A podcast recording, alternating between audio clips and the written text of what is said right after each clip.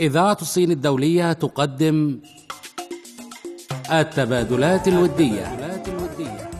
نحن نبني جسورا من الصداقة بين الصين والعالم العربي ونرصد أهم المستجدات في العلاقات الصينية العربية.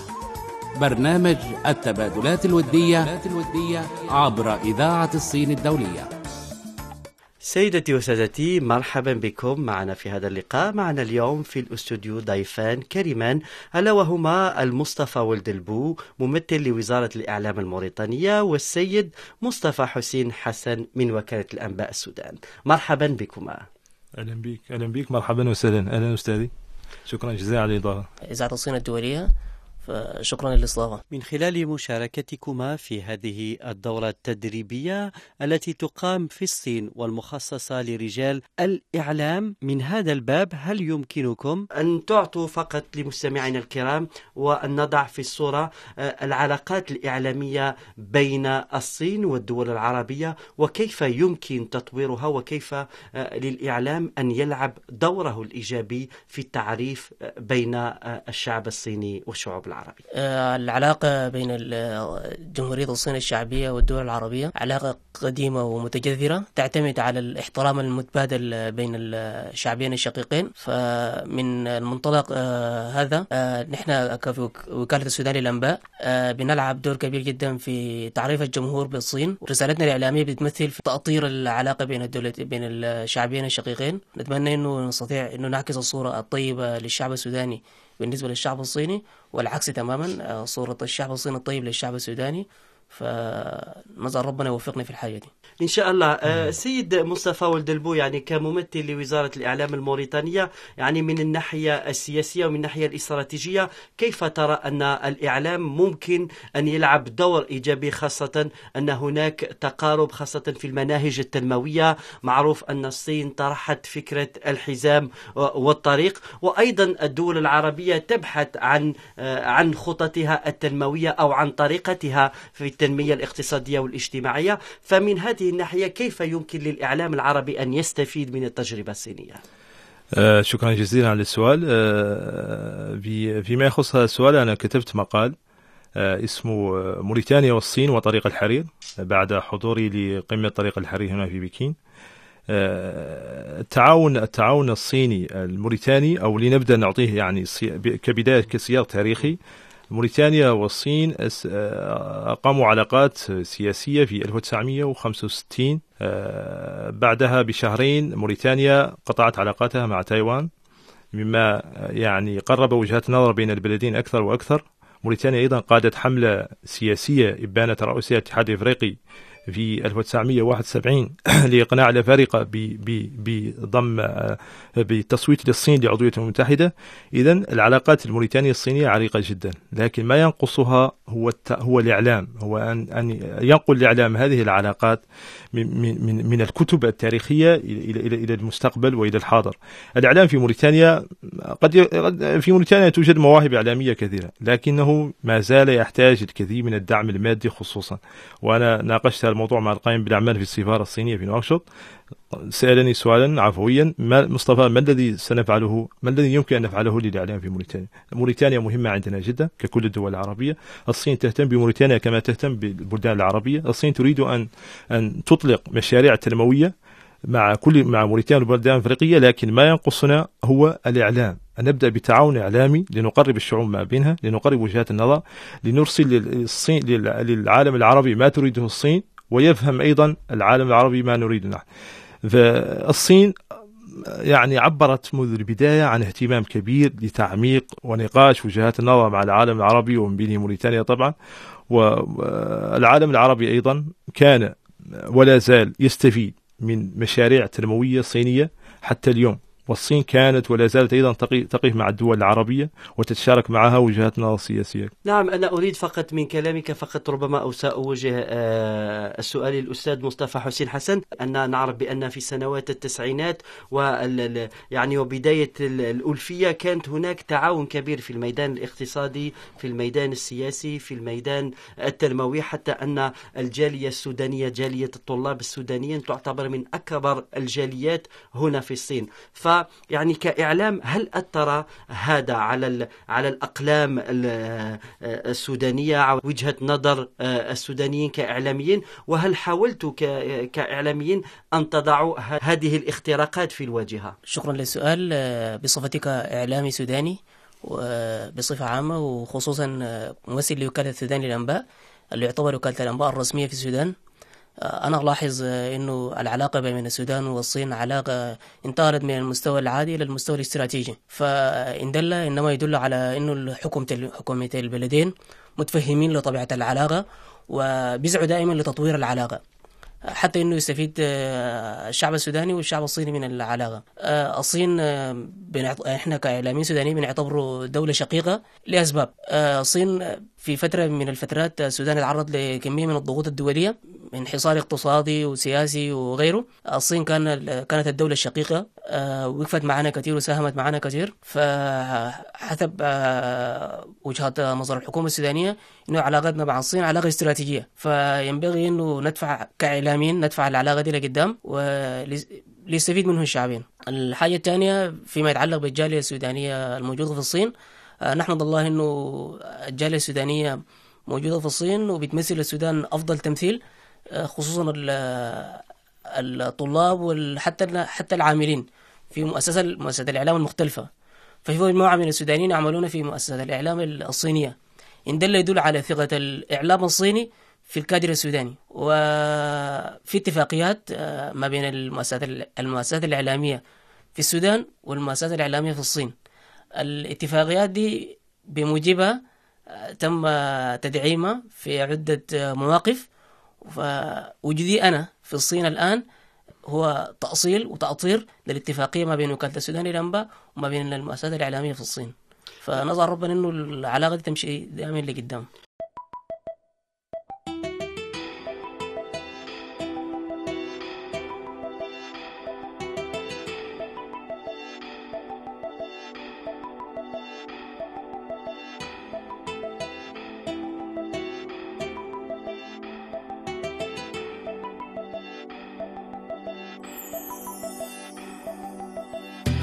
هم مالهم بينا ليل. ليه شاغلهم شوقنا اللي واخدنا حسدونا وماله يا ليل. اللي غيران منا يقلدنا الغرام والشوق والميل. والحنين جوانا مدوبنا والقمر في عينينا جميل. صعب صوتهم يقدر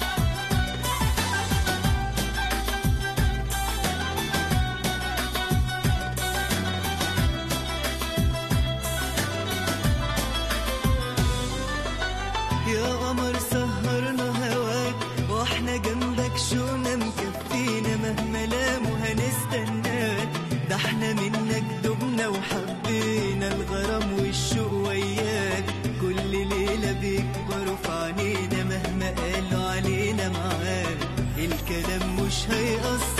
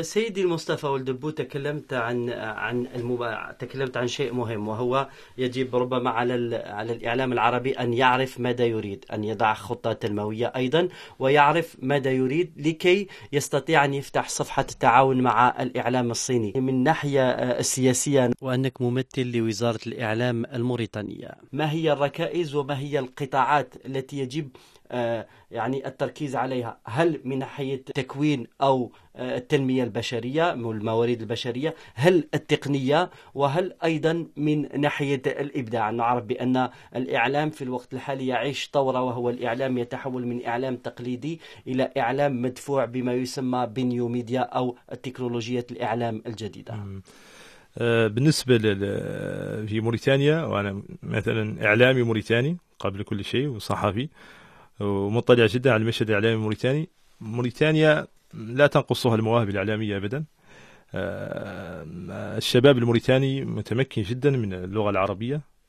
آه، ما ينقص الش- الشباب الموريتاني أو الإعلامي الموريتانيين هو وجود معاهد أو أو مدارس متخصصة لدراسة الإعلام. أنا مثلا الذي يتحدث معك هو من بين الدفعة الوحيدة التي يبلغ عددها 30 شخص الأولى التي تتخرج من كلية في الإعلام في موريتانيا. الأولى تخرجت 1981 و يعني وأفرادها توفوا إلى رحمة الله أغلبهم والبعض البعض الآخر تقاعد.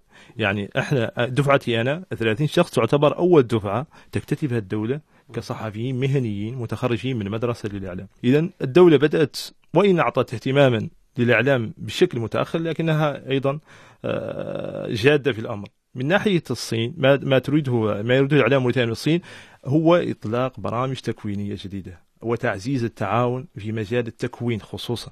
نحن نرى أن موريتانيا مقارنة مع الدول الإفريقية أو العربية الأخرى التي لديها اتفاقات مع الصين موريتانيا ربما لا أقل استفادة من هذه البرامج ولا أقل استفادة من هذه التكوينات.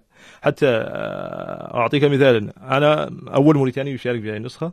وصلتها النسخة الرابعة. آه، هناك بعض البلدان شاركوا فيها من البداية. ربما يكون هذا من ضعف التنسيق بيننا. نتحمل نحن الموريتانيين المسؤولية لأننا ربما لم نعبر بما يكفي عن رغبتنا في تعزيز هذا التعاون.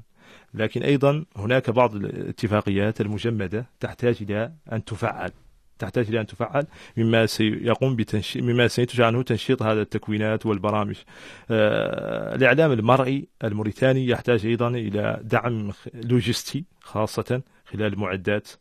آه، الإعلام الإذاعي أيضا آه، الإذاعة في الإذاعة الموريتانية عريقة جدا. آه، ولديها تاريخ طويل أيضا ولديها شعبية كبيرة ومصدر أساسي للأخبار في موريتانيا. تحتاج أيضا إلى أن نحلم أيضا بأن يكون لها اتفاقيات مع إذاعة الصين الدولية من خلاله يتم تبادل الصحفيين والخبراء. موريتانيا الآن تعتمد في مصادر الأخبار على الإعلام الإلكتروني نشط جدا متطور جدا في موريتانيا. الموريتاني يأخذون الأخبار فقط من المواقع الإلكترونية. لأن لأن ال- ال- الوسائل الأخرى ليست بالتطور الكافي لكي تقف أمام هذه ال- ال- ال- الأمواج التكنولوجية الهائلة آه، التي استفاد منها الإعلام الجديد. فبالتالي فبالتالي نحن نطمح ونرغب ونحلم بأن يتم تعزيز التعاون مع الصين. مع الإعلام الصيني في هذه المجالات التي ذكرت كلها. قبل نهاية حديثنا فقط أنا أفتح قوس وأخرج من حياتنا المهنية لنتحدث عن وجودكم في الصين. فهل زرتم أقاليم أخرى بغير بكين؟ وأريد فقط أن تعطونا لمحة فقط ما أعجبكم في الصين يعني الحياة في الصين يعني كأول مرة من الناحية الثقافية والاجتماعية وحتى التاريخية. أنا عن نفسي آه، بعد الشهر الأول نشرت مقال اسمه حكومة الشارع الصينية. يعني ما عبرت عن إعجابي بالشعب الصيني من خلال هذا العنوان في مقال طويل جدا منشور على أغلب المواقع أن الشعب الصيني مثل لي حكومة في الشارع من خلال انضباطه. هو يضبط نفسه بنفسه آه، يحترم القوانين يتبع نظام متعاون مع الأمن مما قلل نسبه الجرائم آه، يحترم يحترم القوانين كلها آه، هذا هو كان انطباعي الأول آه، عن عن الشعب الصيني. ثانيا آه، زرنا طبعا بشكل سريع زرنا إقليم آه، غوانزو وزرنا السوق الإفريقي الذي مثلا لا نشعر بالغربة عند لا لم نشعر بالغربة عندما زرناه ابدا لأنه يحوي جميع الجنسيات الإفريقية من بينها موريتانيا والسودان وكلهم تجار. زرنا أيضا آه، نانجينغ عاصمة إقليم تشانغسو و- وقمنا بزيارة بعض الشركة الشركة عملاقه لصناعة الآليات الثقيلة ولديها اتفاقيات مع دول إفريقية عديدة. زرنا في الأخير إقليم سيتشوان وهو يعرف بالصين بأنه ال- مسقط رأس حيوان الباندا يرمز إلى الباندا يعني وكانت زيارة أيضا جميلة.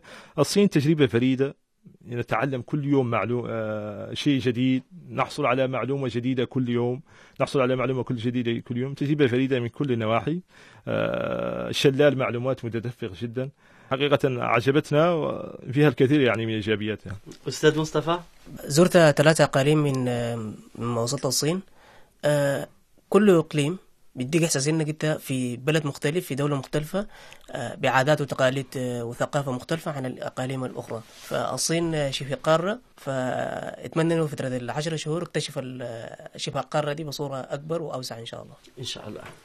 شكرا جزيلا. شكرا.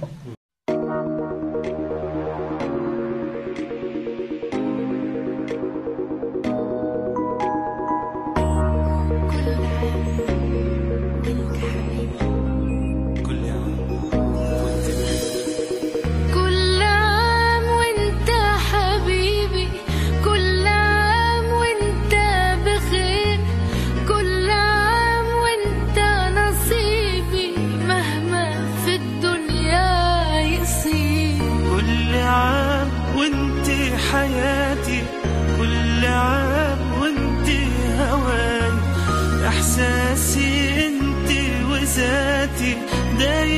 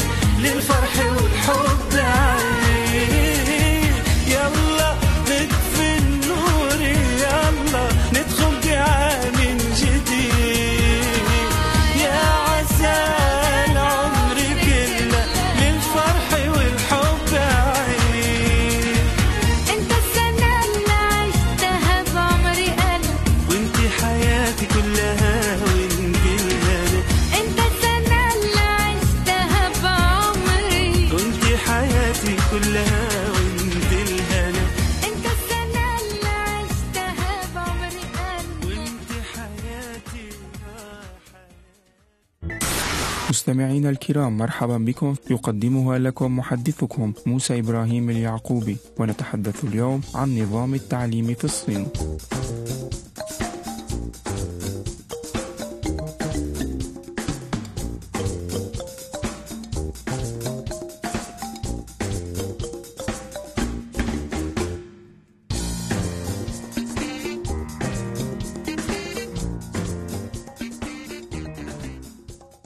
مستمعينا شهدت الصين تطورا كبيرا في الاقتصاد وإنشاء المصانع والمباني الشاهقة والفنادق والطرق الحديثة والمطارات والجامعات والخدمات العامة.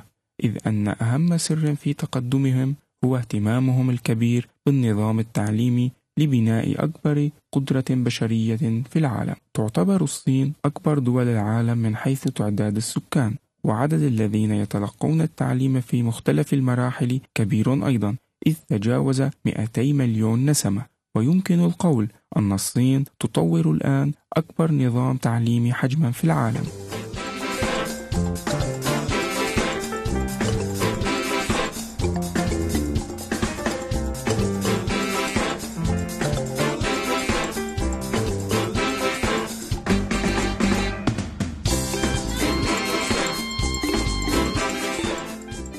مستمعينا الكرام كان لنا لقاء سابق مع الأستاذ أحمد خان الذي تحدث إلينا عن الجامعات الصينية.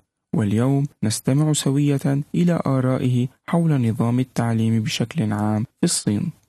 تنقسم المراحل التعليمية في الصين إلى رياض الأطفال والتعليم الابتدائي والإعدادي والثانوي والجامعي. وتطبق الحكومة نظام التعليم الإلزامي لمدة تسع سنوات في المدارس من الابتدائية للإعدادية. ويعرف الطلاب أن الرسوم الدراسية في مرحلة التعليم الإلزامي ولا يدفعون سوى مبلغ بسيط من النفقات المدرسية. وتقوم الحكومة الصينية بتطوير التعليم الإلزامي وبفضل جهودها ارتفعت نسبة تعميم التعليم الإلزامي في البلاد من 80% قبل بضعة عشر سنوات إلى أكثر من 90% حاليا. وفي السنوات المقبلة ستركز الحكومة في أعمالها في هذا الصدد على تطوير التعليم الإلزامي في الأرياف والتعليم العالي سعيا لتوفير فرص التعليم لجميع الأطفال الصينيين وبناء جامعة من الدرجة الأولى في العالم بأسرع وقت ممكن.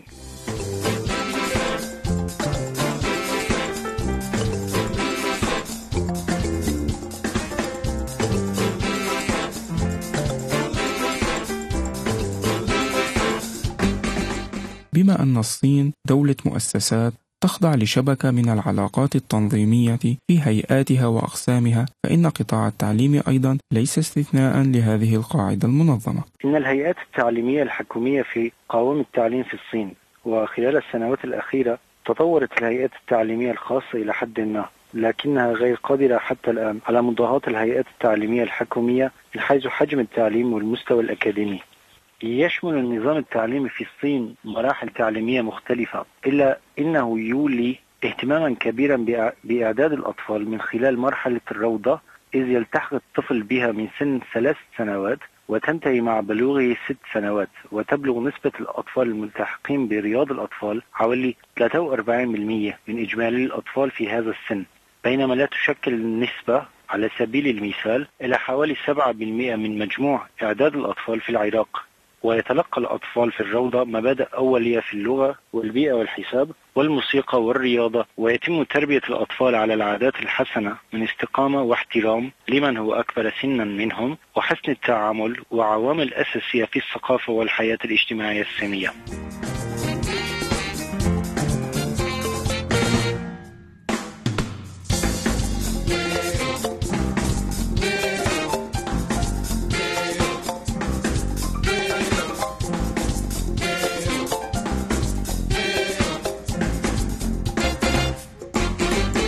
لا يمكننا تصور أي مؤسسة أو جهاز حكومي. لا يكون تابع لوزارة تهتم بتطويره وتنظيم علاقاته مع مؤسسات الدولة الأخرى. إن للصين وزارة واحدة للتربية والتعليم يترأسها وزير وستة نواب ومساعدان. إذ تشرف على كافة المؤسسات التعليمية التي تضم حوالي 255 مليون طالب. تنقسم مراحل التعليم في الصين إلى رياض الأطفال ثلاث سنوات والتعليم الابتدائي ست سنوات والإعدادي أو المتوسط ثلاث سنوات والثانوي ثلاث سنوات والجامعة من ثلاثة إلى أرب... إلى خمس سنوات. تطبق الحكومة نظام التعليم الإلزامي لمدة تسع سنوات في المدارس الابتدائية والمتوسطة إذ يعفى الطلاب من الرسوم الدراسية في مرحلة التعليم الإلزامي ولا يدفعون سوى مبلغ بسيط من النفقة الدراسية.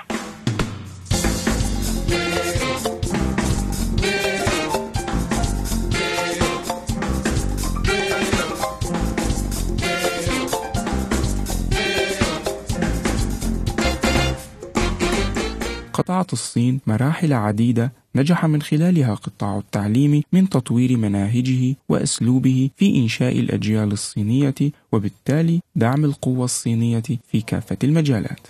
إن من أهم منجزات الثورة التعليمية والتي بدأت الصين بها بعد عام آه، 1985 هو المؤسسات التعليمية والإشراف عليها من بعد تاركا لها حق الإدارة الذاتية اللي- تسعى المؤسسات التعليمية إلى الحصول على الدعم المالي المطلوب من المجتمع نفسه. وبذلك أصبح على الجامعات أن تتخذ القرارات التي تراها ملائمة لظروفها بما تحقق لها أهدافها. آه، وبذلك أصبح على الجامعات أن تتخذ القرارات التي تراها ملائمة لظروفها بما تحقق لها أهدافها. لذا ارتأت كثير من الجامعات أن أفضل طريقة لإحداث الإصلاح والتطوير المطلوب هو التوسع في خدماتها لتخدم أكثر من مجال وبذلك ستنعم بالدعم المالي من الحكومة المركزية والمحلية وتصبح مؤسسات تعليمية ذات إدارة مشتركة وهي بذلك ستلعب دورا إيجابيا في دعم الاقتصاد والتنمية المحلية. كما انتهجت مؤسسات تعليمية أخرى سبيلا آخر لإصلاح نظامها التعليمي. فرأت أن أفضل سبيل هو الاندماج مع الشركات والتنظيمات الاجتماعية وبذلك أوجدت لنفسها دعما ماليا من مصدر جديد والمنهج الآخر الذي سلكته بعض الجامعات هو الاندماج مع جامعات أخرى بهدف الاستفادة المشتركة من إمكاناتهما العلمية والمالية وشمل إصلاح التعليم العالي إصلاح هيكل المواد الدراسية بالجامعات.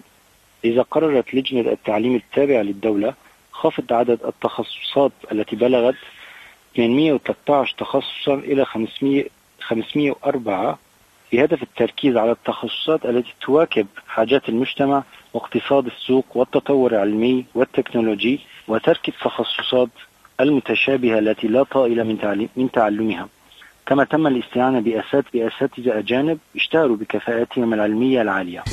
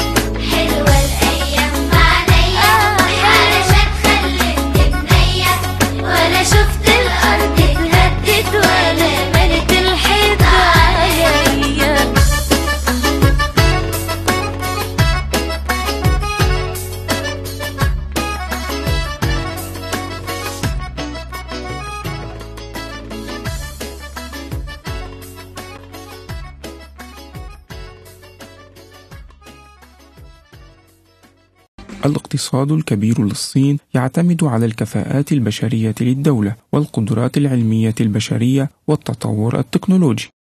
توجد في الصين حاليا أكثر من 3000 جامعة منها 13 جامعة حكومية. فيما بلغ عدد الجامعات التي تستقبل الطلبة الأجانب 70 جامعة. وقد وصل عدد الطلبة في الجامعات الصينية إلى حوالي 24 مليون بزيادة حوالي أربعة أضعاف. في فترة عشرة سنوات ليكون حجم التعليم العالي في الصين المركز العالمي الأول.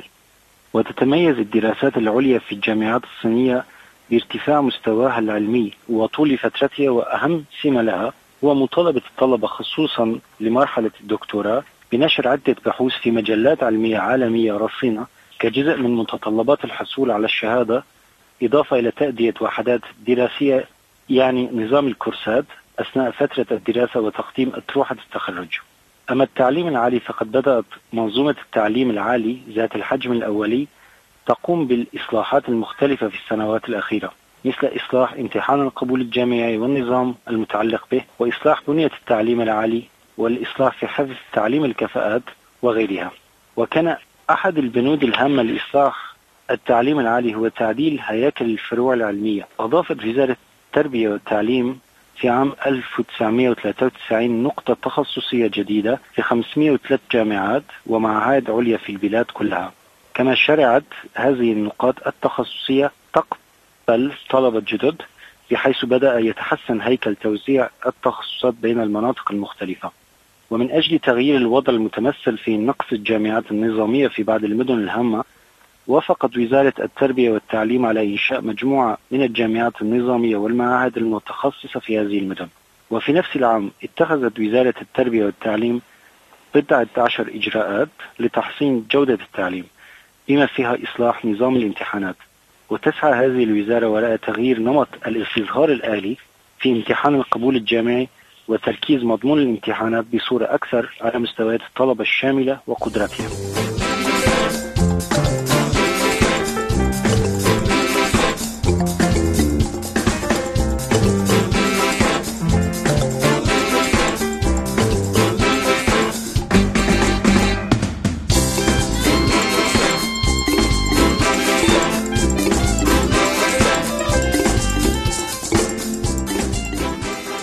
بات النظام التعليمي الصيني ذات صيت واسع في العالم وصاحب نهج خاص به ومتميز. إن مستوى الرياضيات التي يدرس حتى في مدارس الفلاحين في القرى الصينية يشبه مستوى الرياضيات في المدارس الممتازة بمنطقة نيويورك. يبدأ أطفال الفلاحين الصينيين بتعليم الإنجليزي في الصف الأول أو الثالث وحسب المدرسة بعد أن أدخلت إلى المناهج الدراسية حديثا بينما لا يبدأ التلاميذ في أمريكا تعليم اللغات الأجنبية إلا في الصف السابع. يتميز التلاميذ الصينيون بتعطشهم للتعليم وإحراز التقدم ويتلقون دروس دروسهم لفترات طويلة. إذ يلتحق التلاميذ في المدرسة في الساعة السادسة والنصف صباحا لتلقي مزيد من التوجيه والرياضة قبل أن تبدأ الدروس في الساعة السابعة والنصف وفي الساعة الحادية عشر وعشرين دقيقة يذهبون إلى بيوتهم من أجل الغداء ثم يعودون إلى المدرسة في الساعة الثانية ظهرا حيث يدرسون حتى الساعة الخامسة عصرا.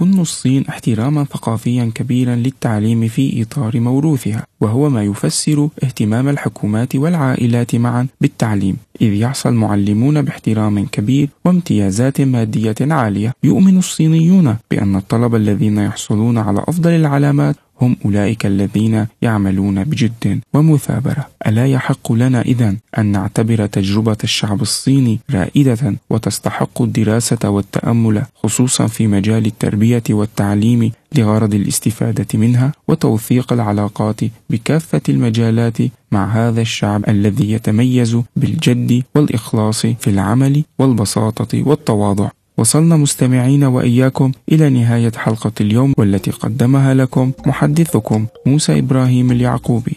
أرجو أن تكونوا قد استمتعتم معنا. ابقوا بأمان الله وإلى اللقاء.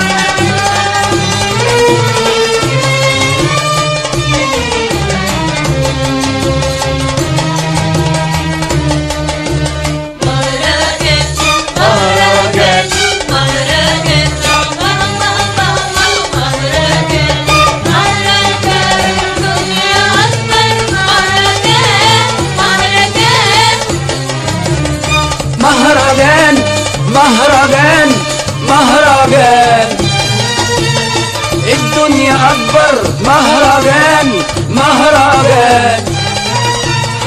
مهرجان مهرجان مهرجان.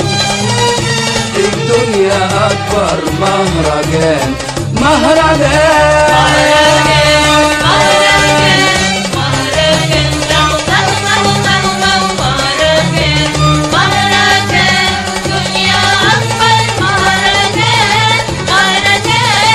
وإحنا فيها ناس غلابة لو عشنا ندوب صبابة وإحنا فيها يا ناس غلابة لو عشنا ندوب صبابة وأما نفرح نبكي يابا ليه يا دنيا الود هان ليه يا دنيا الود هان وإحنا فيها يا ناس غلابة لو عشنا ندوب صبابة وإحنا فيها يا ناس غلابة. لو عشنا ندوب صبابة وأما نفرح نبكي يابا. ليه يا دنيا الود ليه يا دنيا الود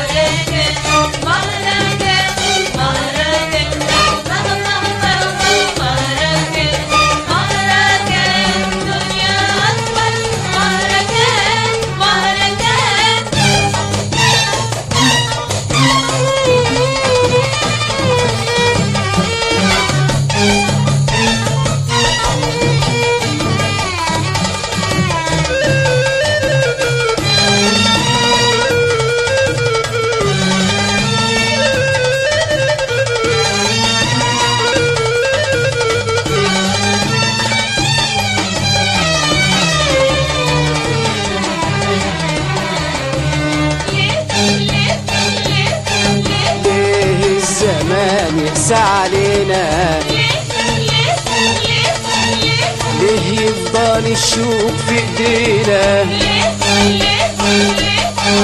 ليه الزمان يقسى علينا؟